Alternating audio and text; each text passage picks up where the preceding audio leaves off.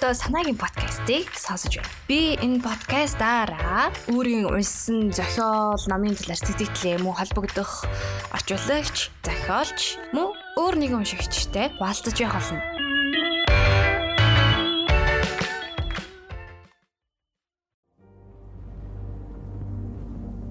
Хорих лагерын амьдралыг ажихад ямар ч сонголтгүй мэд санагдаж мэднэ. Тэнд хүний бардам зан, баатарлаг шинжүү дарагдаж үгүй олдогч. Оюун санааны бие даасан байдал сэтгэл зүйн эрхчлөө байсаар байдаг. Хорих лагерт амьдарч байсан бид хичнээн үлссэн ч хамгийн сүүлчийн зүсэм талхаа бусдаа өгөх сэтгэлтэй байлаа. Арай давуу талтай хоригдлуудын сэтгцийн хариг үйлдэл нь бие махбодын болон нийгмийн үр дүн биш өөр зүйлээр ажиглагддаг хэдийгээр нойр дутуу, хоол хүнс хангалтгүй, сэтгэлийн дарамттай байдал нь тэднийг хариу үйлдэл үзүүлэхийг шаарддагч эцэстээ сэтгэл зүйн дүн шинжилгээ хийсний дараа хоригдож буй хүний төрх байдал нь тэр хүний л шийдвэрийн үр дүн болох нь тодорхой болно. Өөрөөр хэлбэл лагерийн нөлөөлөлөнд хамаагүй. Тиймээс ямар ч хүн иймэрхүү нөхцөлд цаашид яах вэ гэдгээ сэтгэл зүгээ ямар байлгахыг өөрөө л шийднэ. Фёдор Достоевский нэг удаа Надад айдаг ганц зүйл бий. Энэ бол зовлонтойгоо эвлэрэхгүй байх гэжээ. Зовлонтойгоо эвлэрэхгүй байх нь амьдралыг утга учиртай, зоригтой болгодог оюун санааны эрхчлөө юм. Идэвхтэй амьдрал нь хүнийг бүтээлч үеийн үн цэнийг ойлгох боломжийг олгодог. Амьдрал таашаал ханамжийн төлөө бус, гоо үзэсгэлэн урлаг, мөн чанарыг мэдрэх боломжийн төлөө гэдгийг ухааруулна хүнийг оршихуйтай хандах хандлагаар нь тодорхойлж болдог. Бүтээлчээр амьдрах таашаал ханамж идэлх түнд утга учиртай мэт санагдавч зөвхөн ийм амьдрал түүний гол утга учир биш. Хэрвээ амьдралд ямар нэгэн утга учир байгаа бол зовлон зүдгүүрч утга учиртай байх ёстой. Зовлон зүдгүүр бол амьдралын салшгүй нэгэн хэсэг. Үүнд үхэл, гай зовлон ч орно. Үхэл болон зовлон байхгүй бол хүний амьдралыг бүрэн гүйцэд гэж үзэх.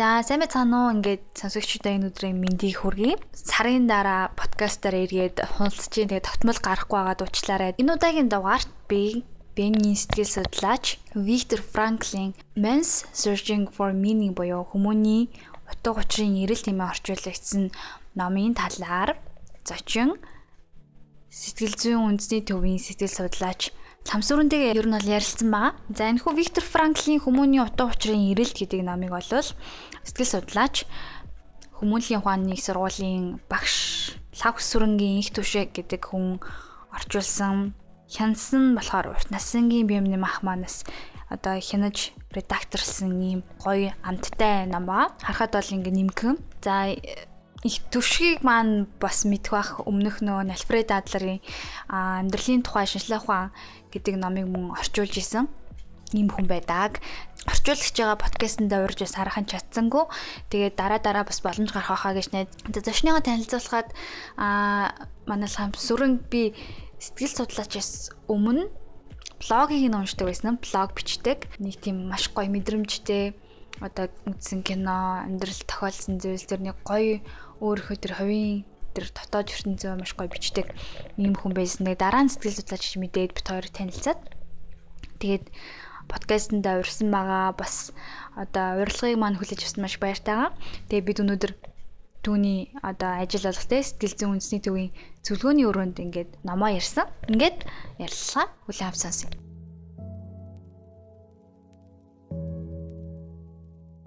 За юуны юм миний урилгыг хүлээн авч манай подкастт оролцож байгаад баярлалаа. Баярлалаа. Намайг өрсөн баярлалаа. Виктор Франклийн энэ утга учирын эрэлтгээд ном сэтгэл судлалын хувьд нөө классик онолуудын нэг гэсэн тэр талаар.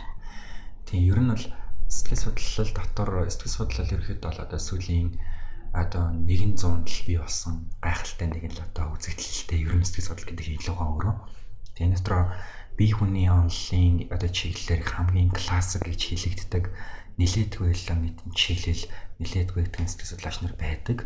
Гэхдээ энэ дотроос ер нь бол яг хүмүүлийн салбарын хамгийн оргил хоёр төлөөлөгч нэг бол яах харахгүй Франкл.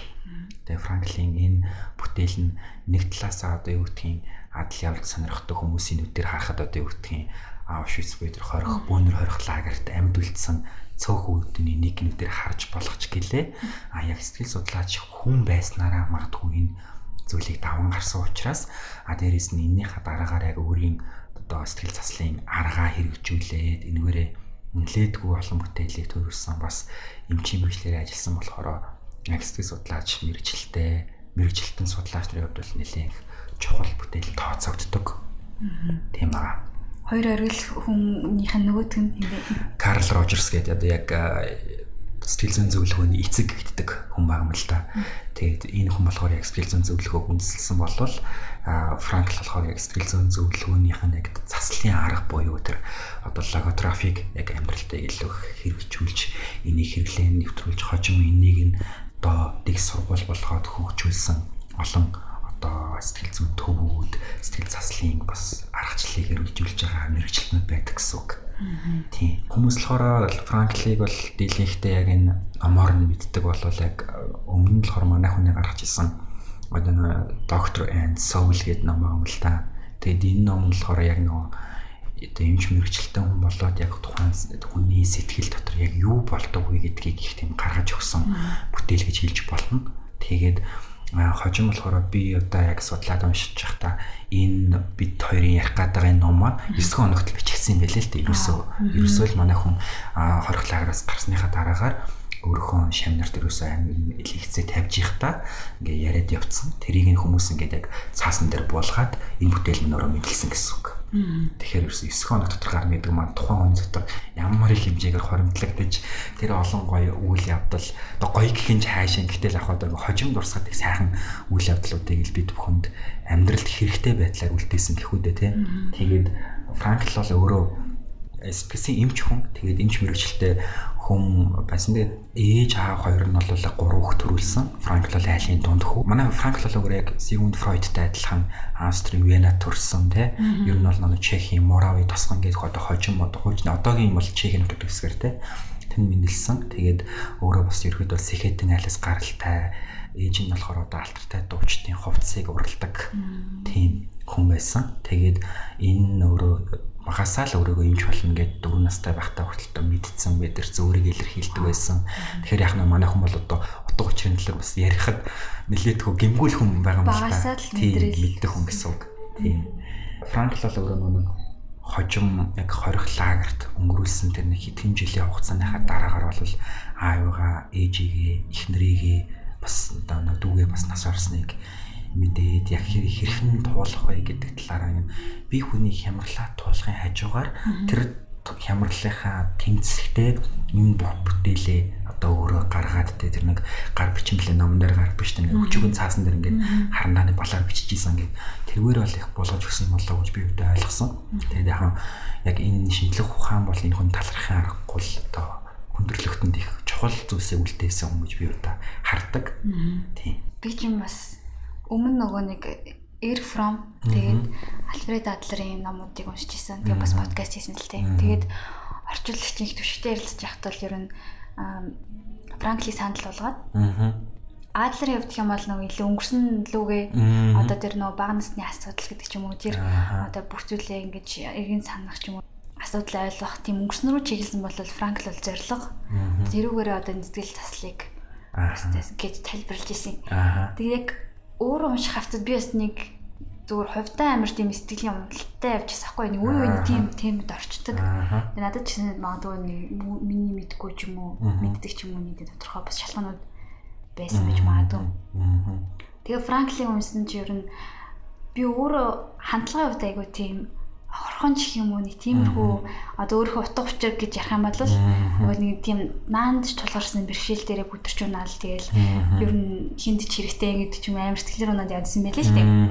Тэгээд яг хав Франклиг уншаад хүний амьдралд одоо тэр тохиолдож байгаа болгон заавал нэг гой сайхан зүйл тохиолдох албагүй амьдралыг яг бүхлээр нь ч юм уу тэр зовлон ч юм уу тохиолдсон бэрхшээл болгон бас нэг утга учир өгдөг юм байна гэдгийг айгу тэрийг мэдэрсэн Би бас нэг юуны өмнө энэ номыг зориглон байрж авч монгол хэлний хөрвүүлээ тэрнээс гоцгой хэлбэрээр хөрвүүлсэн орчуулгын баг орчуулагчтай бол их талархлаа илэрхийлье гэж бодож байна. Тэгээд төшигтэй баярлалаа. Тэгээд би бас номоо уншиж байхдаа яг нэг одоо quarter life crisis гэж хэлдэг шүү дээ. Амьдрал хагасан ямар л гээд.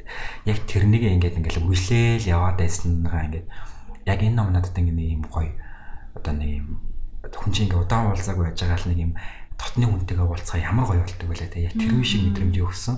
Тэгээ би уншигч нартаа хэлэхэд ер нь энэ номыг нэг барай та уншаа суугаарай.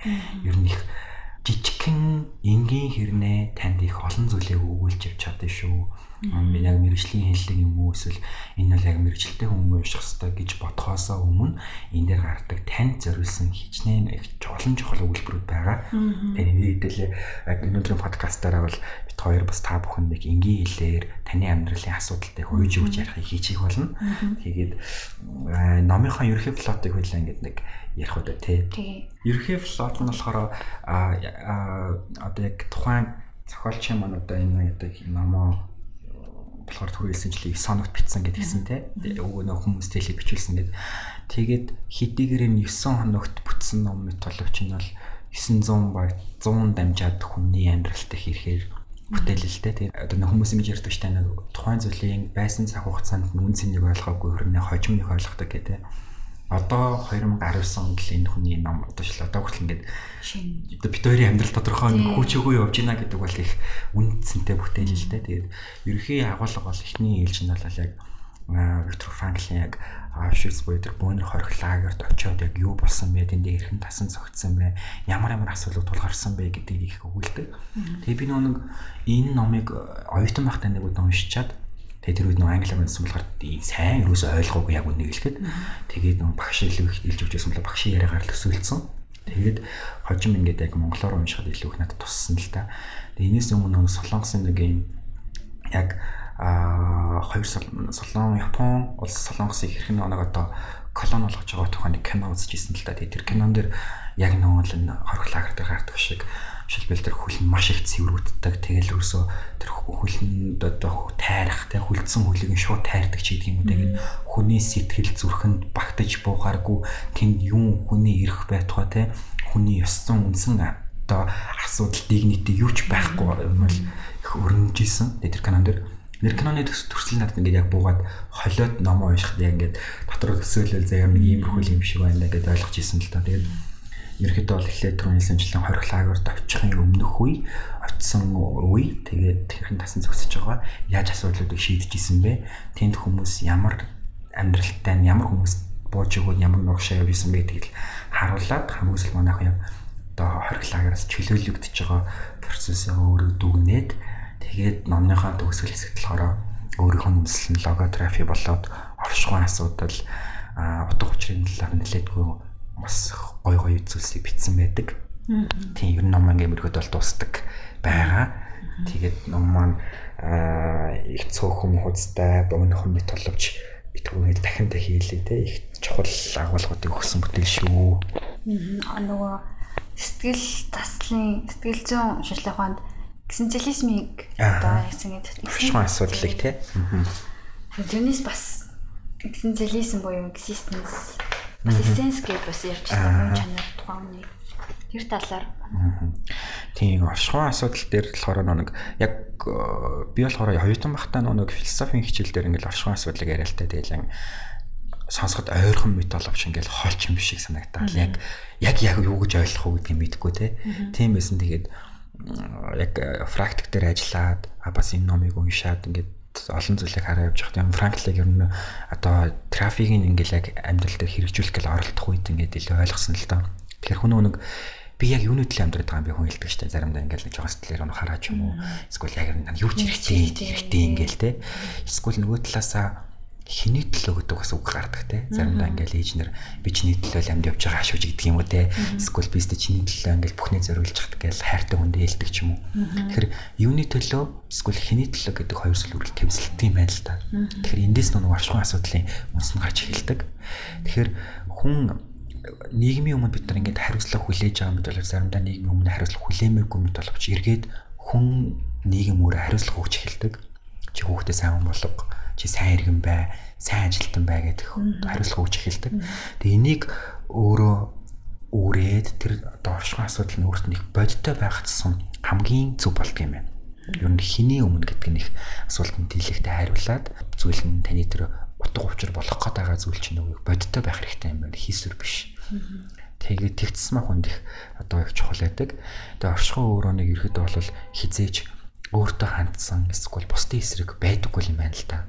Өөрөөр хэлбэл би өөртөө хандсан гэдэг нь одоо би л сайхан болчих, би юу нас жаргалтай болъё, би сайхан амьдрий биш те. Миний мөрөөдөл. Эсвэл тэрийг л ялах юм шүү гэдэг юм уу те. Тийм биш юм байна л да. Тэгэхээр нэг талаасаа нэг буддын философитой ойролцоо мэт боловч гэхдээ нэг яг шинжлэх ухааны үүднээсээ тайлбарсан болохоор илүү их нэг одоо бүхэн болгонд илүү наалтцтай тийм санагдсан.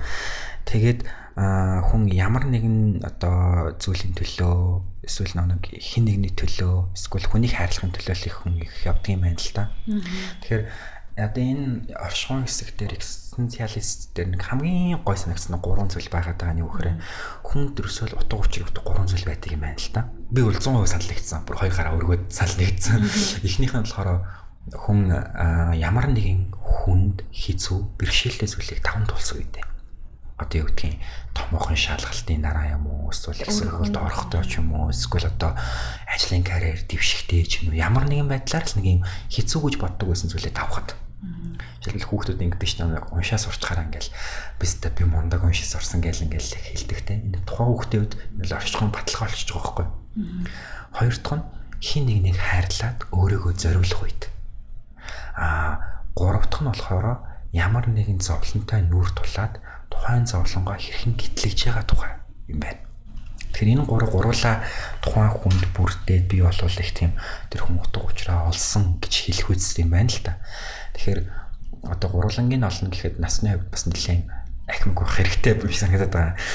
Тийм. Гэхдээ эндээс хамгийн тогтвортой, хамгийн хүнд хизээч нэг үн цэний алддаггүй утга учрыг өгдөг зүйл ерөөсөө хүнийг хайрлах нэг Эрик Фромын хайрлах урлаг дээр гардаг шүү дээ. Ерөөсөө л та хин нэг нэг хайрлаж байгаа бол хин нэгэнд хайртай болсон бол хин нэгэнд дурлсан бол магадгүй те. Тэрний хөдлөө цаг хугацаа үн цэнтэй зүйлээ зориулаа залуунаасаа зориулж иж болно те. Гэхдээ эн чинь танд утга учрыг өгдөг юм байна. Магадгүй тэр хүн таныг тоохгүй байсан ч гэсэн таны хайр бүтээгүй ч гэсэн энэс та хүнийг хайрлах гэдэг ухаан суралцсан учраас танд утга учир өгч байгаа гэсэн үг. Тэгэхээр Франкл ерөөсөө хин нэг нэг хайртай болно гэдэг чинь буруу зүйл ерөөсөө биш нэ их тийм утга учирын бүр оргил хэцэг байх шүү гэдгийг бол өөрөө тайлбарсан байгаа юм л та. Надад энэ бол их сайхан санагдсан. Тийм. Чамд бас юу гэж санагдсан бэ энэ талаар?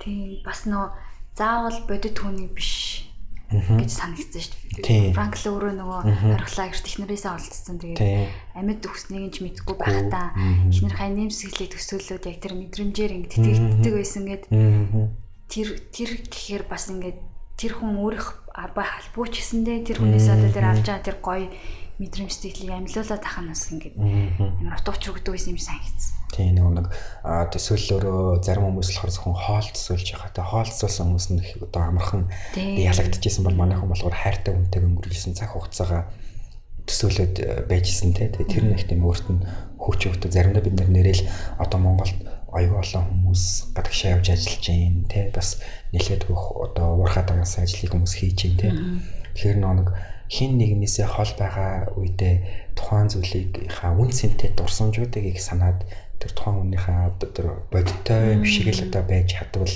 энийг одоо хэрэгтэй юм байл л да. Тэгэхээр одоо Франклийн үе чинь болохоор дайны үед юун дээр захиа замл бичдэг бол одоо үед чинь нэг чаатлах мадлах гэл зөндөө юм байгаа шүү дээ. Тэгэхээр аль болох би энэ цаг зарцуулалтыг үл их гоё дурсамжуудыг өгөх юм байна гэж ойлгосон.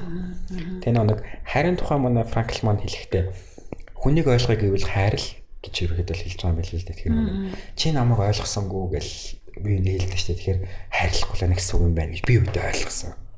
Одоо хүнийг ойлгохыг гэвэл та тэр хүнийг хайрл. Хайрлж ивэл ойлгож гэсэн үг. Хайргүй бол та тэр хүнийг ойлгохгүй. Одоо хосууд ч юм уу ингээл заримдаа бид нар ч гэсэн өөрсдөө хэлдэг шүү дээ чи ингээд намайг ойлгосонгүй ойлгож хичээсэнгүй гэдэг үг хэлэхээс өмнө нэр би хүнийг нөхөр хайрлаж байгаа байл үгүй юу гэдэг бас тунгаамаар л санагдсан л та. Тийм. Хойлонгийн хамнаар ч классик сэсвэдлийн номууд дээр гардаг те. Одоо from чилдэг, бэрм чилдэг те нэг хүн хайрыг өгч чаддаггүй хүн хизэж авч мэддэггүй өгч чадахгүй байгаа хүн чи яах нь буцаа тэр хайр өөрт нь ирж байгааг авч чадахгүй байх нь л дээ тий. Тэгэхээр өөрөө ихлэд өгдөг байвал буцаага тэрний авч байгаа бүх зүйлийн үнцнийг ойлгох байх нь тэр сайхан нэмсэглэлийг халамж ихч байна уу те? Тухайн оны өөрт нь гаргаж байгаа цаг ихч байна уу? Ойлгох нь те. Тэгэхээр надад бол яг Франклин энэ хэлж байгаа хэлсэн бас энэ одоо номлосон гэхүү те? Энэ зүйлүүд нэг амбухтай бидний хувьд бас хэрэглэх төвс юм шиг санагдсан. Тэгээ нөгөө нугасаа нөгөө хориглагерт нь байхад залуучууд ингээл маш олон хүмүүс нэг тэр хүн баян байсан уу, дарга байсан уу хин ч хамаагүй болоо те бүгдээрээ яг адилхан хувцастай зөвхөн дугаараараа ялгагдаал те тэгэл нэг э, тухайн хэсгийг нь хариуцдаг хүмүүс нэртэй их тийм одоо кофе нартаа үнэлэгдэхин тулд арга бийг олно гэж хэлдэг шүү те. Тэгээ Франкл нөгөө олон удаа бас нэг амиа урагцсан нэг жишээ байсан шүү дээ нөгөө өөрийнх нь кофе их одоо сэтгэл зүйн зөвлөгөө өгөх буюу нэг өөрийнх нь сонсоод тэгээд нөгөө нэг одоо хоол илүү идэж мэдээл те сэтгэл зүйн үйлчлэгээ үзлээ. Тийм сэтгэл зүйн тусламжийн үйлчлэгээ үзүүлэх яваад байсан те тэгээд тэр хорхлагер дотор бол их тийм хүний нийгмээс тэс ондоо соёл дүрм те их ард туршин тогтнодог тийм хин хүчтэй хүчгүй гэхээс илүүтэйгээр хин одоо утга учиртай төсвөртэй вэ? Өөрийгөө одоо эзэн болоод удирдах хэмжээний гэдгийг л амьдултаад исэн байгаа шүү дээ тий. Одоо хоёулынх нь ярьсан дэлзэн зөвлөгөөний өрөөний зөвлөлч чаа би түрүүн хүлээж хацуур Виктор Франклин пост карт хийсэхгүй. Тэн дээр нөгөө нэг орчноо өөрчлөх аргагүй бол өөрийгөө өөрчлөх нэг сонголттой тулгардаг. Яг түрүүний хэлдэг шиг тэд нар хүмүүс чинь ингээд дайнгийн толсон тий бүх тархлагт хинч орчноо одоо өөр гарч чадахгүй байгаа үед өөр ингээ хандлага буюу тэр нэг тийм үнтэй нутаг уучраа ингээд өөрчлөх тийм боломжтой л тийм л ганц даймд үлдэх боломж байсан. Тийм. Ер нь бол ерөөсөл манай хүн чинь тэнд зүхт игээд зүхтэж болохгүй, гар игээ гарч болохгүй те. Үхийгээд ч өхөж чадахгүй те. Бүх юм ингээд байхад ерөөсөл өглөөс эрэхтэл хүртэл ингээд хизээ халагдахаа мэдэхгүй байна гэдэг нэг тодорхойгүй байдал үргэлж хүнийг стрессүүлдэг гэдэг бол үнэн бохгүй юу? Ерөөсөө хизээ суллагдахын, хизээ нүүхийн, өөр лагер руу шилжих юм уугүй юу те. Тэр нь тодорхойгүй учраас ерөөсөө тухайн ямар нэгэн цаг одоо юу гэдгийг дедлайн тавих хэрэггүй. Ерөөсөө тухайн цаг мөчтөө эзэн болоод өөрийнхөө тэндээ дасан зохицоол хамгийн зөв сонголтыг хийгээл явах нь нэг чухал юм байна гэдгийг хэлсэн байсан л да. Тэгээд чиний хэлсэнчлэн нэг орчноо өөрчлөх боломжгүй болсон үед хүн өөрийгөө өөрчлөхөөс өөр сонголтгүй үлддэг тээ. Надад бол яг Монголын нийгэм санагддаг байхгүй юу? Монголын зарим нэг одоо зүйлсийг бид нар яаж хичээгээ заримдаа өөрчилж боломжгүй зүйлс олон байна шүү дээ. Одоо юу гэдгийг зарим нэг улс төрийн байдал ч юм уу, зарим нэг эдийн засгийн байдлыг бид нар яаж хичээд өөрчилж чадахгүй тий. Тэгэхээр би эдгээр зүйлстэй хүн өөрөө өөрөө зохицож хамгийн байж болох сонголтыг хийгээл явах хэрэгтэй. Тэгэхгүй ингээ нэг хин нэг нэг өөрчлөлтгийг хүлээх юм уус хин нэг намайг өөрчлөлтөн гэдгийг хүлээнэ гэдэг бол байж болохгүй зүйлээ буюу их алдаатай цаг үрсэн зүйл шүү гэдгийг бас хэлэх байна. Угаасаа сэтгэл судлал ярьдаг дээ хүний хизээж хүн өөрчлөлдөхгүй маа хүн өөрөөгөө л өөрчлөлт юм а гэдэг. Сонсогч нартаа бас нэг хэлэхэд та хүмүүс те өөрийгөө одоо энэ байгаа нөхцөл байдлаа тааруулаад зөвхөн өөр өөрийнхөө сонголтонд л өөрийгөө үлдээгээрээ. Франклин нэг ном дээр хэлсэнчлэн та хин нэгний амьдралаар амьдарч өрсө болохгүй хин нэгэнтэй өөрийгөө жишж болохгүй хин нэг шиг болохыг хүсэж болохгүй өөрөөхөө л байх хэрэгтэй гэдэг. Тэгээ угаасаа нийгэмдэр бид нар бүгдээрээ зэрэгтний гараас гарахгүй байгаа шүү дээ. Одоо юу гэдгийг нэг амар мундаг хүний ном исэн чинь нөгөө хүний маань аав ээж нарай өөр илүү их боловсролт анхаарсан ч юм уу эсвэл тухайн боломжийг олгоцсон ч юм уу те магадгүй одоо юу гэдгийг тамирчин байлаагт эрт хичээлүүлэхэд дугуйлангийн төлбөр байсан ч юм уу тийм мэдгүй. Бид нар ингээд бүгдээрээ бид нар нийгэм адилхан гараас гардаггүй болохоор юу гэдгийг өөрийнхөө би бол илүү дутуу сул дорой хүчтэй гэж ялах хэрэггүй ингээд зөвхөн өөрөө өөрийнхөө өнгөрсөндөө тэмцэлтэд өөрийгөө өөрчлөөд явах хэрэгтэй юм шиг санагдаад байгаа бас ингээд сэтгэл судлал дээр бас ингэж хэрэгтэй хилээд байгаа. Одоо учир завлан хайр гэхэд бас хүн болгоны тэр тусгаж авч байгаа нь бас өөр өөр Тий. Яг гоо энэ номтой холбоотойгоор л хэлэхэд одоо хүмүүс маань бие биенийхээ бие хүнлүү, үнэт зүйл рүү, мөн чанар руу нэг халддаг штэ. Тий. Тэрийг болохоор Франкл өгöd байгаа гэхээр хүн өөрийнхөө мөн чанар, өөрийнхөө одоо тэр үнэт зүйл одоо тий өөр ингэсэн бүхний өөрөө л тогтоодох болохоос шин нэгэн тогтоодоггүй маа. Тэгээд тэр зүйл чинь одоо таны хувьд утга учиргүй нэг чухал биш хин нэгэн хүний хэмжээнд дүүхгүй байвал одоо тий санаа зовх хэрэггүй хизээ нэгэн цагт энэ бол таны одоо маш чухал юм болтоо гэдэг манай хүний бол ерөөсөө тэр сэтгэл судлаач байсан нь сэтгцэн эмч байсан нь ерөөсөө өөрт нь их хүч өгвөл юус энэ л өөрийг нь босгосон гэж олон юм дээр өөрөө хэлсэн байдаг шүү дээ. Би хэрвээ тийм байгаагүй бол би баглахгүй байсан гэх тээ. Тэгэхээр таны одоо байгаа зүйлсөө чинь их ирээдүйн чинь одоо магадгүй үнс нөгөө мэт боловч чухал юмыг өгч бас болох юм шүү. Тэгэхээр өөрөө одоо байгаа бодит байдлыг эсэргүүцээл тэмцээд авах бас нэг талаасаа хэрэггүй шиг байгаа юм л да. Тэгэхээр хүнд бас өөрийнхөө утга учирыг өөрөө олно гэдэг чинь өөрийнхөө яг Монгол ахуй дээр ингээ одоо буулгаж ярих юм бол тий. Манай ихэнх зарим ингээ найзууд бусдаа өөргөө жишээд бусдын үн цэндээ одоо одоо харьцуулах өөрөө өөрийнхөө үн цэнд харьцуулаад байдаг тийм нэг хандлагатай нийтлэг тийм сууч надад ч бас заримдаа байдаг ч юм уу. Тийм болохоор нэг боловсролын систем ч юм хар өгөөд байдаг л та. Гэхдээ ингээ хүн өөрийнхөө хандлагыг анзааруул тэгээд тэрийг өөрчилж болох юм шиг санагдчих юм. Тэгээд одоо Auschwitz-ийн архут лагерт байхад Франклиг нэг чадна чадахгүйг нь болон болохгүйг нь те эсвэл одоо чи өнөөдөр тийшээ явна шүү тийм ажил шүү гэдгийг шууд л хэлдэг байсан гэ те. Тэгэхээр нэг магадгүй хамгийн анх лагерт очиход нөгөө бие байдлаас нараад шууд өнөөдөр хөө ажиллах уу гэдгийг шийдчихсэн гэдэгтэй адилхан те. Хүн ингээд бусдаас шудраг байдлаар, үнэн байдлаар өөрийнхөө талаар зарим үедээ шүмжлэлийг сонсох хэрэгтэй юм санагдсан. Аа сонсохгүй бол яг тийм зөвхөн угаасаа би өөрийгөө мэднэ гэдэг өөр тодорхойлоод байвал тэр ингээд асуудал те. Яг тэр өөрийнхөө талаар мэдэхгүй өөрийнхөө юу хинбэ гэдгийг олж мэдэхгүй байхгүй юу? Тэгэхээр бусдаас асуу бас бусад өөрийгөө илэрхийл. Тэгээ энэ бол ингээд явах нь болохоор таны одоо тэр оршихуй байна уу утга учир байна тэр бүх зүйлийг чинь тодорхойлох тэг чухал шүү өөрийгөө олоход чинь те тэгвээсээ хүн өөрийгөө олох гэж тэмцсээр байгаа тэмцсээр байгаа өөрийгөө нэг юм олдог олчингуудаа одоо би өөрчлөмөр гэдэг юм хоёр замналтай байх нь энэ байлээ л дээ. Ер нь бол аа psychoanalyst-ууд тэр хүмүүлийн сэтгэл судлаач нар санал нэгтэйгээр хэлдэг нь хүн ингээд өөрийгөө олох гэж маш их замыг туулдаг юм аа. Тэгээ олцохороо өөрийгөө өөрчлөх гэдэг зөвлөх шүү гэд ер нь бол хэлсэн. Тэгэхээр надад бол тийм маш хүмүүний санагддаг юм. Энд ч бас тийч хоёр гайч юм шиг. Тий, доктортой биш те. Аа Франклин номон дээр нэг амьдралын утга учирын талаар нэг бас нэг хэсэгтээ өгүүлдэг Тэгээд тэн дээр юу гэхээр нэг амьдралын утга учир гэдэг бол ерөөхдөө бол тодорхой яг л энэ гэж хэлчих зүйл ерөөсөө биш ээ. Тэгээд аа одоо түрүүний хэлсэнчлэн бусдын амьдралын утга учир болсон юм уу эсвэл өөрийгөө олсон түүх тань тохирохгүй. Тэгэхээр хин нэгний одоо амжилтыг үзүүлсэн түүхийг өөртөө авчрах гэдэг шаардлагагүй. Бусдын нийгмийн болон бусдын зүгээс танд ирж байгаа шаардлагыг үүрэг хариуцлага болгон хувиргаж чадчихвэл энэ танд их урт хугацаанд үр дүнгээ өгдөгөө. Окей би энийг ингээд хийж зохицуулж идэ болгочих гэж их хандах хэрэгтэй. Тэгээд асуудал болгоныг өөрөө онцлохоор тул гэж байгаа юм бол жишээлбэл зарим хүн ингээл эрсдлийг хараал байдаг шүү дээ. Зарим хүн болохоор ингээл амар түгшээл, зарим хүн газ манс хийгээл дуусгач тэ асуудлуудыг ингээл зохицуулаад. Тэгэхээр тэр арга барилаа л ашиглаж байгаа. Угаасаа л тэр арга барилыг танд байгаа учраас тэрийг тэр арга барилтаа ингээ шийдэж чадна л гэсэн үг юм шиг байлаа л дээ би бол гэж ойлгоод байгаа. Тэгээ бодонгууд ингээд янз бүр ховхны хөгжлийн намнууд дээ штэ сэтгэл судлаас ингээд ч юм уу. Дэлхийгаа дараад яг тэр болгон бас хүн тохирохгүй юм шүү. Тэр хүний одоо туулсан зам гэдэг ч юм уу. Одоо Европт ингээ өсөж төрсэн хүмүүсийн амьдралын замлын монголчууд сая хүншдэж штэ орчуулдаг. Тэгэхээр тэр болгон таарах бас албагүй ч юм уу. Тийм таарах бас албагүй те зүгээр л окей одоо юу гэдгийг хин нэгний одоо шагнал авсан эсвэл нэг компани байгуулсан эсвэл мөнгөтэй болсон түүх нь тэр хүний л түүх байхгүй юу? Аа би хэрэг бас өөрийнхөө бүтлгүүтийн түүхийг юм эсвэл одоо байгаа нэг одоо юу гэдгийг нэг байгаа нөхцөл байдлын түүхийг бичвэл нэг өөр шүү дээ тий. Тэгэхээр зүгээр тэндээс нэг зүгээр зориг урам хаваал өнгөрөхөөс биш яг тэрийг ингээл хэрэгжүүлэх гээл одоо дийлэгтэй хүмүүс нь ажиглагддаг нь хэл сурах дээр ч юм уу эсвэл турах мурах гэдэг дээр гарч ирдэг шүү дээ. Яг тэр тэгсэн гинэ нэг гэсэн гин тэгэл сурцсан гин гээл тэх гэдэг тийм. Тэгэхээр яг өөрөнгөсөн жор аргыг өөрөө л гаргаж ирэх хэрэгтэй юм шиг байгаа.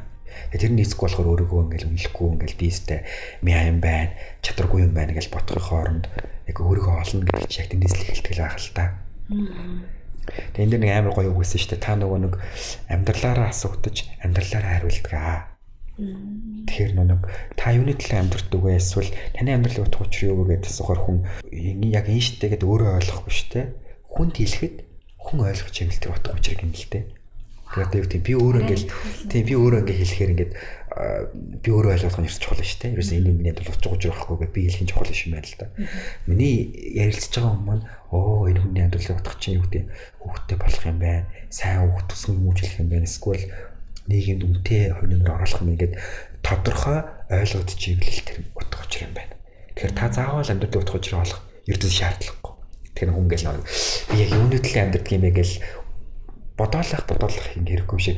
Тэгээ ингээ нэр ингээ бодсон чинь яг утга учирын талаар ингээ би ойлгох ингээ бодомшаад тэгсэн чинь амар хөнгөн болж ирсэн.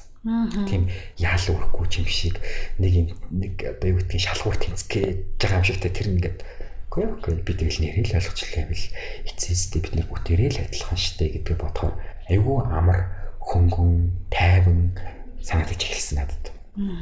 Тэгээд надад бол уншихад энэ номны хамгийн гоё өгсөн зүйл нэг тайвшруулж чадсан учраас л би ингэж хэлээд байгаа шүү. Тийм ээ яг нэг сэтгэл судлаач хүн болсон болооч тэр юм их гоё юм байлаа. Тэгээд бас сэтгэл судлаач хүн орж исэн болооч тэр сэтгэл судлаач хүн түүн уншаад ярьж байна. Тийм. Эсвэл нэг тагтагийн гаргасан амьдрахуугийн ном, ухааны ном яг энэ нэг зохиол хоёр яг яг матч хийгээд байгаа юм шиг санагдсан байхгүй юу? Яг л нэрээ хүн ямар ч хэцүү үед тэр ном дээр хүн ингээл амьдрч болдго юм байна те. Амьдрал үргэлжлээл яадаг юм байна. Бид нар болохоор юу гэх ингээл тэнгэр нэг өдөр л орох гэж байгаа юм шиг л бүх юм дээр ханддаг шүү дээ зэрэг. Ингээл айхтар уурлаа, айхтар гомдоол бүх нэг дуусмаар санагтаал те. Гэхдээ яг тэгж бодож байгаа хүнийг бас буруутгаж болохгүй л дээ.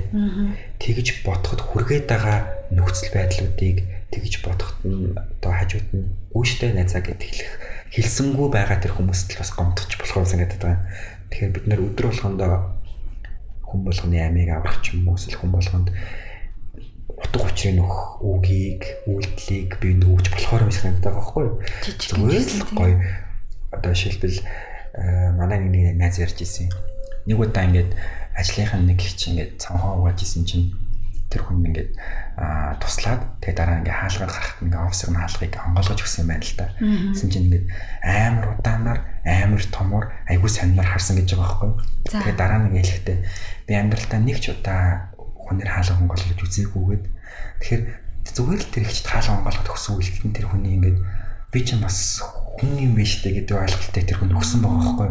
Тэгэхээр бид нэг жижигхэн зүйлээс л хүнд ингээд утга учирыг сайхан мэдрэмжийг өгөө явдаг. Тэр жижигхэн зүйл нь тэр хүний хувьд насан туршдаас хараалагдаж болдог, үнсэнтэй байж болдог, өөч мурдаггүй байж болдог те. Би санагдсан. Тэгээ бас намайг амьдрахуу номыг уншиж чахтаа л би ингээд үгүй ингээд энэ бүхний дараагаар хүн ингээл амьдраад аж болдгийм байна гэдгийг хараад бас их одоо ичмэр юм шиг зарим талаас бид нар ингээл э, одоо шаналж юм муухай гэж хэлэхээс бас тий. Франклин нөгөө нэг номныхоо төгсгөл дээр нэг сэтгцийн эрүүл мэндийн тухай нэг өөр үзэл бодлоо хэлсэн хэсэг байдаг л да. Тэгээд тэр номыг өмнөх доктор Сайн Саул дээр бас гардыг аа юу гэж хэлдэг вэ гэхээр сэтгцийн өвчтэй хүнд хүртэл ирэх байгаа гэж ярьдаг.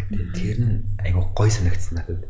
Яагаад тэгэхээр бид нэр сэтгцийн өвчтэй ч юм уу эсвэл одоо юу гэдгийг ямар нэг өвчтөн хүнийг бид нэр ирэхгүй битээр л ярьдаг шүү дээ. Оо сэтгцэн өвчтөн юм чинь хуулийн өрөөнд хариулах хүлээхгүй. Уус ингээл энэ хүн бол өөрчлөгдөхгүй. Энэ хүнд одоо юу гэдгийг сонгох сонгох хэрэгтэй хэрэгчлэг болгож болохгүй ч гэдэг юм уу.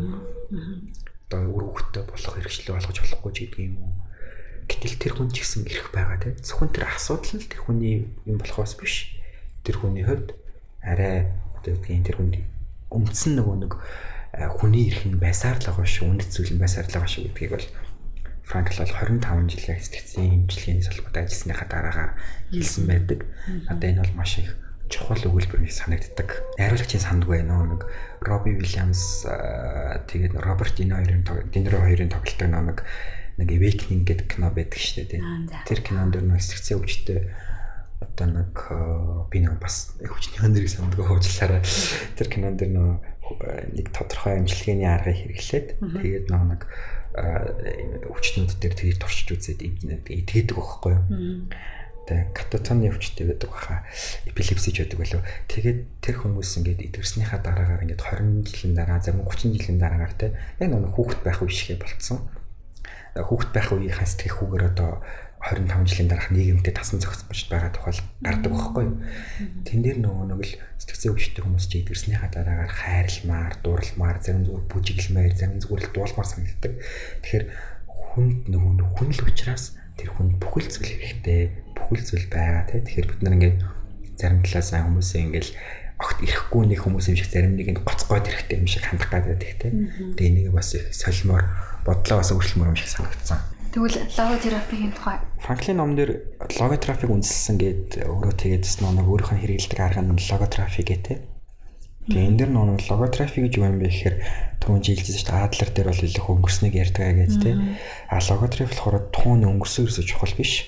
А таны ирээдүйд хэм болох гээд байгаа, юу болох гээд байгаа гэдэг чинь чухал. Ирээдүйд ямар үр дүн гарах вэ гэдэг нь чухал. Тэгэхээр нэг талаас нь нэг одоо одоо үеийн коучинг гэж хэлдэг те Нөгөө сэтгэл зүйн зөвлөгөө бол илүү хүний өнгөрсөнтэй ажиллаад алдаатай үйлдэл бодлыг засах талаас явдаг бол коучинг болохоор ирээдүйд хэм болох вэ гэдэг нь чиглэл дандаа нэг ирээдүйн чиглэлсэн асуултуудыг оноосаа тий хэмжээ явждаг тий. Менторшип бас ирэхэд бол адилхан тий.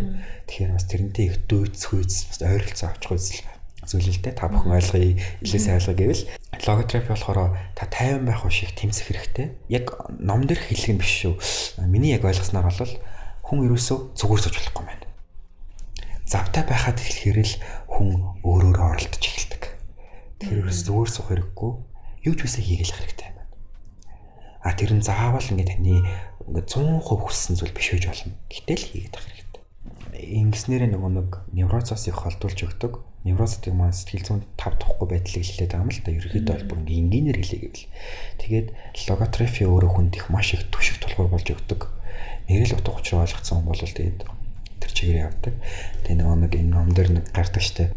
Эхнэрээ алдсан нэг нэг өвөгийн кейсийг өөр дээр нь үлээсэн өвөгийн тухай гардаг те бас нэг хүүхэд нас урцсан нэг ээжийн тухай ээжийн тухай гардаг те тэр нэг ээжийн кейс нь юу гэхээр хүүхд айгу мундаг хүүтэй байж байгаа хүн нас ороод тэргэлсэртэй хүүтэйгээ үлддэг.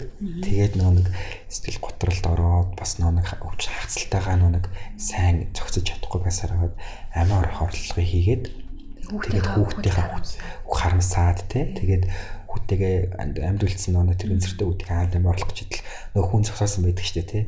Тэгээд дараа нөгөө ярилцж байхдаа сэтгэл судлаачтай Франклтай ярилцж байхдаа Франкл болохоор логодрама ашиглаад тухайн клиентийнхаа үнцэн ойлголтыг өгсөн байдаг те. Тэгээд нэг та настай эмэгтэй болцсон байвал яг юу санагдах вэ гэж асуугаад гэсэн нөгөө маань ингээд э, надад одоо юу гэдгийг хүүхэд байхгүй, сайхан амьдрал байхгүй гэж хариулж байгаа. Одоо тэгвэл та яг одоогийн нөхцөл байдалд нь буцаага авчрах асуусан чинь нөгөө юм маань хариулж явцдаа их өөрийнхөө асуудлыг ойлгоод гардаг л та. Тэгээд яг сэтгэл зүйн зөвлөгөө гэдэг нь ерөөсөө тэр юм. Юу хэрэг клиент ирээд өөрийнхөө асуудлыг ярьж байхдаа өөрийгөө ойлгочдөг. Аа тэгээд трийг нь тухайн сэтгэл судлаач маань тухайн хүний асуудлыг одоо олж задлан шинжилгээ хийгээд одоо энэ хүн дээр ийм аргыг хэрэглээд явал их үр дүнтэй юм байна гэд тухайн чиглэлээ сонгоод ажилладаг гэсэн үг. А хамгийн гол нь сэтгэл судлаач маш бага ярина. Юусэн асууна. А клиент маань яг нь өөрөө ярьж байхдаа өөрөө ойлгодог гэсэн. А тэгэхээр хүмүүс одоо юу гэдэг юм бол би найстай ч гэсэн ярьдаг юм шиг бодож магадгүй л дээ. Гэхдээ тэр яриа бол илүү их хөнгөн хэлбэрийн яриа байдаг бол сэтгэл зүйн зөвлөгөөний яриа бол их таны өмнө бодож байгаагүй зүйлийг хүртэлээс асууна. Яагаад тэгэхээр сэтгэл судлаач нар ганцхан зэвсэг байгаа нь асуулт. Тий. Тэгэхээр тэр зэвсгэрэл танд тултна гэсэн үг шүү дээ. Тулдах ч явахад ажиллана гэсэн үг шүү дээ. Тий. Тэний нэг аа логотерапи бол өөрөө богино хугацаанд хөндөх үр дүнгээ өгдөг арга л та. Тэгээд энэ логотерапи дээр нэг нийгмийн асуудлыг ирсэн байдгийн тий би нэг болохоор Монголын нийгэмд хойж ойлгосон байхгүй юу? Оршихуйн хоосрол буюу нийтээрээ хоосрох тухай их өгүүлсэн байдаг. Одоо юу гэдгийг утга учиргүй, ингээл зориг чиглэлгүй, мөн чанараа олоогүй байдал ингээд нийт олон хүн байх тусам тэр ингээд ерөөсөө нөхөгдөшгүйгээр тухайн ингээд уналтанд ордгоо гэд Франклоор хэлсэн байдаг. Тэгээд надад бол их Монголд бас харагддаг л да ингээд одоо Монголын хүн амын 65%-ийг нь залуучууд бүртгүүлдэг гэд би сонсч ирсэн. Тэгэхээр энэ залуу хүмүүс дотор утга учир олоогүй байх тусам бид нар бас л утга учиргүй амьдрал үргэлжлээл байхаар байгаа байхгүй. Тэгэхээр бид ингээд аль болох өөрийнхөө хэр хэмжээндээ утга учираа олоод өөрийгөө олоод зориг чиглэлтэй байгаад тэрнийхээ төлөө тэмцээд хөдөлмөрлөд хичээгээд явах нь л үр дүн биш тэр үйл явц нь илүү чухал юм шүү гэдгийг л франклч юм одоо хүмүүлийн сэтгэл судлалын салбарч өөрөө хэлдэг. Одоо би бас яг энэ салбарт ажиллаж байгаа хүний хувьд бас хэлмээр санагддаг л та. Хүмүүс юу гэдэг янз жаргалтай болъё гэхээр ингээл үр дүнд хүрэх байгаа юм шиг те. Одоо юу гэдэг кино үзчихвэл мөнгөтэй болчихвол байр машинтай болчихвол гэдэг л. Тэр машинтай болох гээд байгаа чинь тэр хүнтэй суух гад тэр хүнтэйгээ чатлаад байгаа чинь таны хувьд тасж байгаа шүү дээ. Өрнөл процессд илүү анхаарлаа хандуулаарай. Орчин хоосролд орохгүй байхын тулд те. Хүн тэгэхээр ерөөсөө өөрөөсөө л эхлэх юм байна л л дээ. Өнгөрсөн авар надад нэг юм тохиолдсон байхгүй. А манай хэсэг найзууд бүгдээрээ баг ингээд амиа орломоор байна гэдэг ч юм уу тийм. Айгүй тийм сайн хоорондоо бараг уулзаагүй ч юм уу ингээд хэсэг нэг тийм бараг талгаа шиг юм гээл хүчмэр санагдаад ахын хинт ч хэрэгтэй инээ тэр гэдэг ч юм уу. Тиймэрхүү явсан. Тэгээ би тэр үед ингээд яаж туслахаа мэдэхгүй. Тэгээ тэрнээс яг би Франклийн уншсан бол тэгээ утга учир ярьдаг ч юм уу нэг тийм. Тэгээ би зөвлөхийн чааш ямар ч нэгэн байдлаар ингээд тэр хүн өөрөө ядаж одоо тэр оршин хоосрал гэдэг зүйл ч юм уу утга учиргүй зовлон тэр юм аа ингээд өөрөө ядаж тэр нэг өгүүлбэр ч юм уу сэтгэл судлал гэдэг ч юм уу тийм сонссон байсан бол асуудлаа даван туулах. Тийм байх хэрэгтэй байсан юм шиг санагдаад байгаа хгүй. Одоо ботход бас тэр хүн одоо зөвхөн Франклийн уншаад юм уу сэтгэл зүйн уншаад тэр бүхэн идэх гэх юм уу тэр юм яг болов эсвэл сэтгэл судлалын одоо тэр сэтгэл таслын үйлчлэгээ хүмүүс сэтгэл зүйчтэй уулзч ярилцах тийм шаардлага байгаа болов яг уу сэтгэл судлаач бүр өөр өөр ингэсэн мэрэгсэн чиглэлтэй байдаг. А тэр чиглэлээсээ хэрэг судалгаа хийсэн бэ, хэрэг судалгаа уншсан бэ гэдэг юм уу те хэрэг зохиол бүтээлдээ санилцсан бэ. Хэрэг клиенттэй ажилласан бэ гэдгээс хамаарат ерөөхдөө бол хариулах байх л та. Тэгээ миний хувьд хэлэхэд а энэ ямар нэг зүйлийг ингээ хүн хийснээрээ эсвэл бүтээснээрээ эсвэл тухайн зүйлтэй хэрэг одоо юу гэдэг эсвэл амжиг авснараа биш ээ. Танд эцсийн эцэст ямар нэгэн зүйл байж л байгаа хүнд ямар нэгэн хүний одоо амьдралаас авахыг хүсдэг хамгийн гоё мэдрэмжэл өрөөсөл намайг хүн хайрладаг юм аа гэсэн мэдрэмж байхгүй. Намайг хүн хайрладаг юм шүү дээ. Тэр хүн болгонд л ээж аав байдаг. Хүн болгонд л ээж аав байдаг юм аа гэхэд найз нөхөд байдаг. Ер нь хүн ямар ч нэг хүн байдаг л байхгүй юу? Тэгэхээр байгаа зүйлийнхаа үнснийг л ойлгох. Тэ? Байгаа зүйлийнхаа үнснийг ойлгоод тэр зүйлдээ илүү цаг зарцуулаад явах хэрэгтэй юм шиг санагдсан. Түрүүний нөгөө хэлсэн утга учирын гурван зүйл болох нөгөө хэрэг зовлонг туулж ийнэ тэр зовлонтойгоо хэрхэн зохицож ийнэ те а хэрэг хүнийг хайрлж ийнэ та? А тэгээд ямар нэгэн хүн бэрхшээлтэй зүйлийг хэрэг давж ийнэ гэдэгт хэр тэмцэж ийнэ нэ бодсон чи бид нар бүгдээрээ л тэмцдэг байгаа байхгүй юу? Угаасаа энэ Монголын хэцүү нийгэм бид нар чи амьдрах гэж бүгдээрээ л дор бүгнээ эрвих тэрвэхээр хийчихэж чинь а тэгэл хайрлж чинь дурлж чинь хаягдж чинь те а тэгэл дээрэс нь бас одоо ямар одоо амьдралын шаардлага одоо амьдралын одоо жан зүй эсний асуудал нэг юм бүхэл хагцалтай бид нар тулгарч байна. Тэгээ бид нар бүгдээрээ амьдрал байгаа байхгүй. Тэгэхээр эндээсээ бид нар утга учирыг олж авах хэрэгтэй шүү. Энийг битгий ингээд үгтгийн зүгээр л хүн болгон байдаг гэж битгий бодорой. Магадгүй зарим нэг хүний тулсан зүйл нь таны жижигхэн санагдаж болно. Таны хувьд том зүйл тэд бусдад жижигхэн санагдаж болно те. Тэгэхээр өөр өөр хөр амьдралыг өөр өөр яг эзэн болоод явах хэрэгтэй. Тэгээ амиа хорлол төр бол хэлэхэд амиа хорлож байгаа хүнийг буруутгах ч юм уу эсвэл тийх юм их утгагүй юм шиг санагддаг. Яагаад гэвэл тэр хүн хүн зүгээр байж байгаа үхийг өгчдөг байхгүй. Тэр хүн үхлийн тухай маш олон удаа бодно те. Үхлийн үхмээр мэдрэмжийг олон удаа аавна. Өөрөөсөө ч тэр өрөөлөөсөө ч тэр. Гэтэл тэр хүнийг хажууд нь байсан хайртай дотны хүмүүс нь хамт олон найз нөхд нь гэр бүл нь яагаад анзаарсангүй вэ? Яагаад тэр хүн зүгээр л жижигхэн гоё мэдрэмж өгчихгүй өгсөнгүй вэ те? Бид нар нэг шүмжлэх бол амархан шүү дээ. А харин тэрийг ойлгох их хэцүү. Гэхдээ хүнд хэрэгтэй зүйл. Тэгэхээр тэрийг ойлгосоо тэр хүний зүгээр тэр хүний оронд өөрийгөө тавиад үзвэл бас ямар байх вэ те? Яг нэг юм жоох нэг юм илүү эмпати байгаад тэн дээр нэг юм жоохон уужуу хандаасаа гэж би хүсдэг юм. Аа мэдээж амиа орлон гэдэг бол таатай зүйл биш. Гэхдээ тухайн хүмүүст амиа орлолтын талаар магадгүй та бодож байгаа бол танд өгөхгүй байх сонголт байгаа.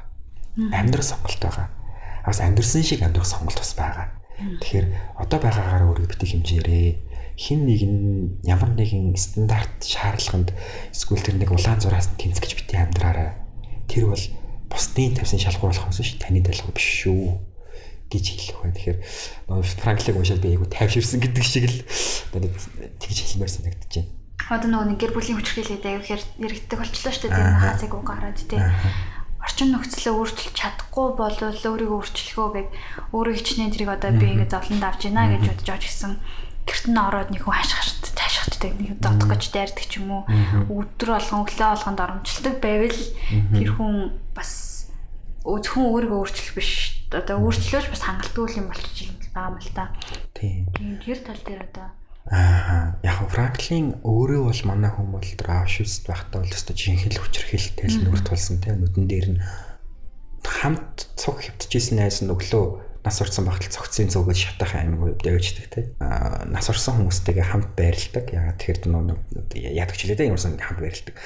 гэж бодохоор ингээд Франкл бол ингээ өөрөө тэр бүх ингээ давчаад дараа ингээд утга учир инээгээ хэлж байгаа юм л тийм аа гэтэл бидний амьдралд өдөр болгонд ингээд тодорхой хэмжээгээр бид нэр тэмцэлддэг тийм үү? Одоо магадгүй нэг хүчрхийлэгч нэг хинэнтэй ч юм уу, эсвэл үйл ажиллагадаг ажлын хүнтэй ч юм уу, одоо юу гэдэг юм бид нар ингээд л байг тэмцэн явдаг өөртөөгөө. А өсвөл бүр заримлаас бид нар өвчнөд хүртэл тэмцдэг тийм үү? Тэгэхээр нэг нэг юм үг гэдэг штэ. Яг миний л нэг хаяа дуртай өнөд өгөлтэй. Өөрийн хүчээр өөрчилж чадахгүй зүйл байвал нэр төртэйгээр тисчингүрүүлээ гэдэг нэг яг зомби шиг бол гэж байгаа юм л та. Тэгэхээр нэг яг өөрийн хүчээр бид нөхөр өөрлөж чадахгүй болвол тэр зүйлийг бид нэр тэсч өнгөрүүл гэхээс илүүтэйгээр тухайн зүйлтэй зохицож зохицох гэдэг нэг юм хэрэгтэй бид нарт. Тэгээд гол нь мөн чанараар ус алдаж болохгүй. Тийм. Аа хүчрхийллийн өрсөж байгаа хүн хүчрхийлэгч болох магадлал тэ гэдэг нь одоо юу гэдгийг зарим судалгаагаар тийм зарим судалгаагаар үгүй гэж гарч ирдэг. А би юу гэхээр тэнд асуудлыг шийдвэрлэх загварыг яаж олгож байгаа гэдэг санав. Хоёрдугаар тэрнээс тэр хүчрхийлэгчээс илүү сайн хувилбарыг сайн хүний тэр хүн харахгүй болвол магадгүй магадaltaй байхгүй. Жишээлбэл одоо юу гэдгийг би нэг одоо манай аав амар цоцдог, амар л одоо арх удаг байлаа гэхэд би ааваасаа сайн аав байх шинжнийг олж хараагүй бол бас асуудал байхгүй. Ягаад гэвэл тэр хүн хүүхэд гэдэг чинь даган дуур ажил өсдөг учраас те тэндээс мөн чиглэл авдаг, төлөөрөө авдаг учраас те. Тэгэхээр одоо юу гэдгийг юм болгол учир утгатай байх нэ тэгэхээр бид нэр өдөр тутмын үйлдэлээ бодлоо хязгаарлаад л одоо яг тийм энэ дээр хэцүү шийдвэрийг гаргаад явах хэрэгтэй өөрийгөө өдөртөө сурах хэрэгтэй те. Тэгэхгүй нөгөө нэг магадгүй нэг талаасаа бид нар ингээл нэг хүчрхийлүүлдэг байгаа хүмүүсийг буруутгаад байдаг боловч тэр хүн нэг хин нэгэн бас хүчрхийлж болгоол өгсөн бохгүй хүмүүжүүлсэн. Тий тэрийг их ярьдаггүй. Юу тийм нэг 10 хүн хүчрхийлүүлдэгт 10-ыг л ачаал цаазаар авчихад л ингээл Монгол гайг болох гэдэг юм шиг тий үгүй шүү дээ чинь. Тэр 10-ыг нэг 10 хүн болгоцсон байгаа тий гэтэл тэр хакатер хүмүүс ахаад нэг юм бий болгоцсон байгаа.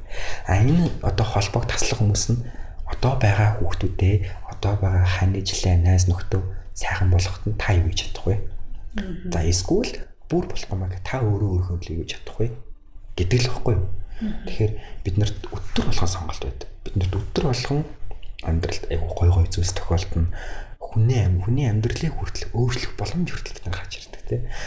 Зүгээр нэг ганц одоо эсэлсэн чинь магадгүй тэр хүн л хүн инээж байгаагүй л яах вэ тийм. Тэгэхээр бид нар ингээд нэг юм жижигхэн зүйлээр хүчтэй нөлөөлдөг шүү гэдгээл бодороо амар том юм битгий бодороо тийм амар том юм үлээгээл ай хүлээл тавиал тэрнээс олоо өвдөөд байх хэрэггүй шүү гэдгийг л яг зөвлөх байна да. Сэтгэл зүйн зөвлөгөө хэрэг авах шаардлагатай хүмүүс сэтгэл зүйн хүмүүсийн хүрээлэний талаар Тийм. Манай байгууллагын нэр сэтгэл судлалын үндэсний төгөөд байгууллага. Тэгээд Монголд бол сэтгэл судлалын нэлээдгүй олон төв байгаа. Тэгэхээр та бүхэн а яг Google-с одоо юу гэдгийг хамгийн ойролцоглох Google-с хайгаад сэтгэл зүйн төвүүдийн мэдээлэл гараад ирнэ. Тэгээ тэндээсээ сэтгэл зүйн төв болгон бас өөрсдийн ажилдаг чиглэлтэй зарим нь илүү одоо юу гэдгийг гэр бүлтэй ажилдаг байх, зарим нь хостой ажилдаг ч юм уу, зарим нь бэлгийн хүчрхэлтэй ажилдаг байх ч юм уу. Өөрөөр байдаг. Тэгээд манай байгууллагын хувьд илүү хүүхэд гэр бүл хостой ажилдаг байгаа. Тэгээд та бүхэн бас манай байгууллага руу хандаж зөвлөгөө авч болно А ер нь бол тухайн Монголд бас нэлээдгүй олон сэтгэл судлаач нар байгаа хүмүүс нэг сайн сэтгэл зүйч байхгүй Монгол сэтгэл судлал ер нь мэддэг юм уу гэдэг. Үгүй ер нь бол сайн хөгжсөн байгаа шүү. Ер нь бас дажгүй хөгжилтэй явж байгаа. Тэгээд Монголын сэтгэл судлаач нартай очиж та зөвлөгөө авахаас өмнө тухайн байгууллагын талаар сайн судлаад энэ байгууллагын яг мэрэгжлийн ёс зүйн хүрээнд бас яаж ажилладаг вэ гэдгийг бас сайн судлаарай. Тэгээд тухайн сэтгэл судлаачийн сэтгэл зүйн зөвлөгөө хэрэгтэй юу, яг мэрэгжлийн хүн үгүй гэдгийг бас их асууж тодруулахгүй болвол зарим нэг те одоо нэг юм мэрэгжлийн бус үйлдэл хийгээ яваад байгаа а энийг бизнес гэж хараад байгаа энийг арай өөр явцуудаар хараад байгаа хүмүүс та хамдвал бас танд богино хугацааны л үр дүн гарна уу гэхээс урт хугацааны үр дүн бол гарахгүй гэж би удаа хэлэх байна. Тэгэхээр та бас хүний сонгоо, зөв сонгоод сэтгэл зүйн зөвлөгөө аваарай. А ер нь бол өөрийнхөө ухамсараар өөрийнхөө хүчээр асуудлыг шийдвэрлэж чаддаг хүн сэтгэл судлаачд ажиллаж болдог. Харин өөрийнхөө ухамсарлаад өөрөө одоо сэтгэл судлаач насламжлаар гэсэн үг шүү дээ. Асуудлаа ухамсарлаа ойлгож чадахгүй байгаа бол тэн дээр сэтгэл судлаач биш сэтгэл сэтгцийн эмч ажиллана гэсэн үг дараагийн төвчний ус ажиллах гэсэн. Тийм тэгэхээр тэнийг бас хялгаж ойлгох хэрэгтэй гэж хэлэх байна. Сэтгэл зүйн үндэсний төвийг танилцуулбал Сэтгэл зүйн сэтгэл судлалын үндэсний төв нь бол ерөөхдөө 9 жил болж байгаа байгууллага. Тэгээд Монголд бас одоо аль бис нэрхтэйгээр гэж хэлэх үү дээ. Одоо үйл ажиллагаа явуулдаг бас мэрэгжлийн томоохон мэрэгжлийн байгууллагуудын нэг. Тэгээд 13 сэтгэл судлаачтай. Тэгээ манай хол илүү хүүхэд ер нь л 6-аас дээш насны хүүхэдтэй бол ажиллана. 5-аас дээш насны хүүхэдтэй бол ажиллана. Тэгээд насанд хүрсэн хүмүүстэй, бие хүмүүстэй, гэр бүлтэй бол ажиллана гэсэн үг. А бас мэрэгжлийн чиглэлийн судалгаа, онцлогоо зөвлөхөө хөөгдөг байгаа. Бас сургалтуудыг хийдэг байгаа байгууллага хамт олон зориулсан. Тийм. Тэгэхээр одоо яг сэтгэл судлалын шинжилгээг ухааныг иргэдэд сэтгэл зүйн боловсролыг олгох чиглэлээр ажиллаж байгаа л гэсэн үг. Үнтэй цагаар бидэнд зориулсан маш баярлалаа. Тэгээд сэтгэл судлаачийн номыг сэтгэл судлаач хүн орчуулсан сэтгэл судлаач хүнээр яриулах гэдэг чинь шал өөр юм байна. Аа за баярлалаа. Тэгээд цаг зав гаргасан баярлалаа. Тэгээд сэтгэл судлалын классик бүтээлүүдийг сонгоод удаа дараагаар ингээ подкаст хийж байгаад их талархалтай хандж байгаа шүү гэж хэлэх байна.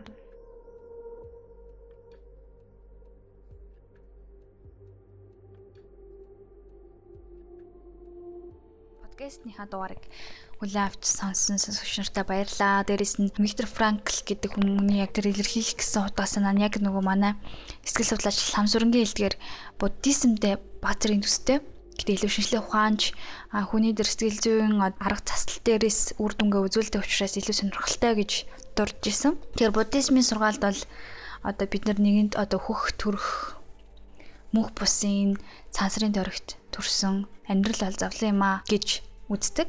Нөгөө талаар энэ маань одоо зөвхөн аз жаргал зөвхөн сайн сайхан руу тэмүүлэх бус утга учир гэж би бол зовлонч утга учиртай жаргалч утга учиртай буу яг одоо цагаа яг одоогийнхоо энэ байдлыг мэдрэх хүлээн зөвшөөрөх даван туулах энэ маань өөрөө амьдрал юм байна гэдгийг бас ойлгуулсан яриа ойлгуулсан ном ойлгуулсан орчуулга ойлгуулсан подкаст байсан байгаасаа гэж хүсэж байна.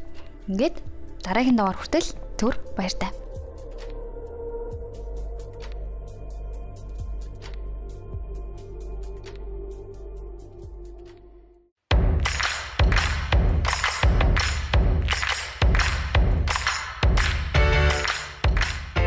Одоо санаагийн подкастыг сонсож байна. Би энэ подкастаараа өөрийн уншсан зохиол, номын талаар сэтгэлээ мөн холбогдох орчуулагч, зохиолч мөн өөр нэгэн уншигчтай болцож явах болно.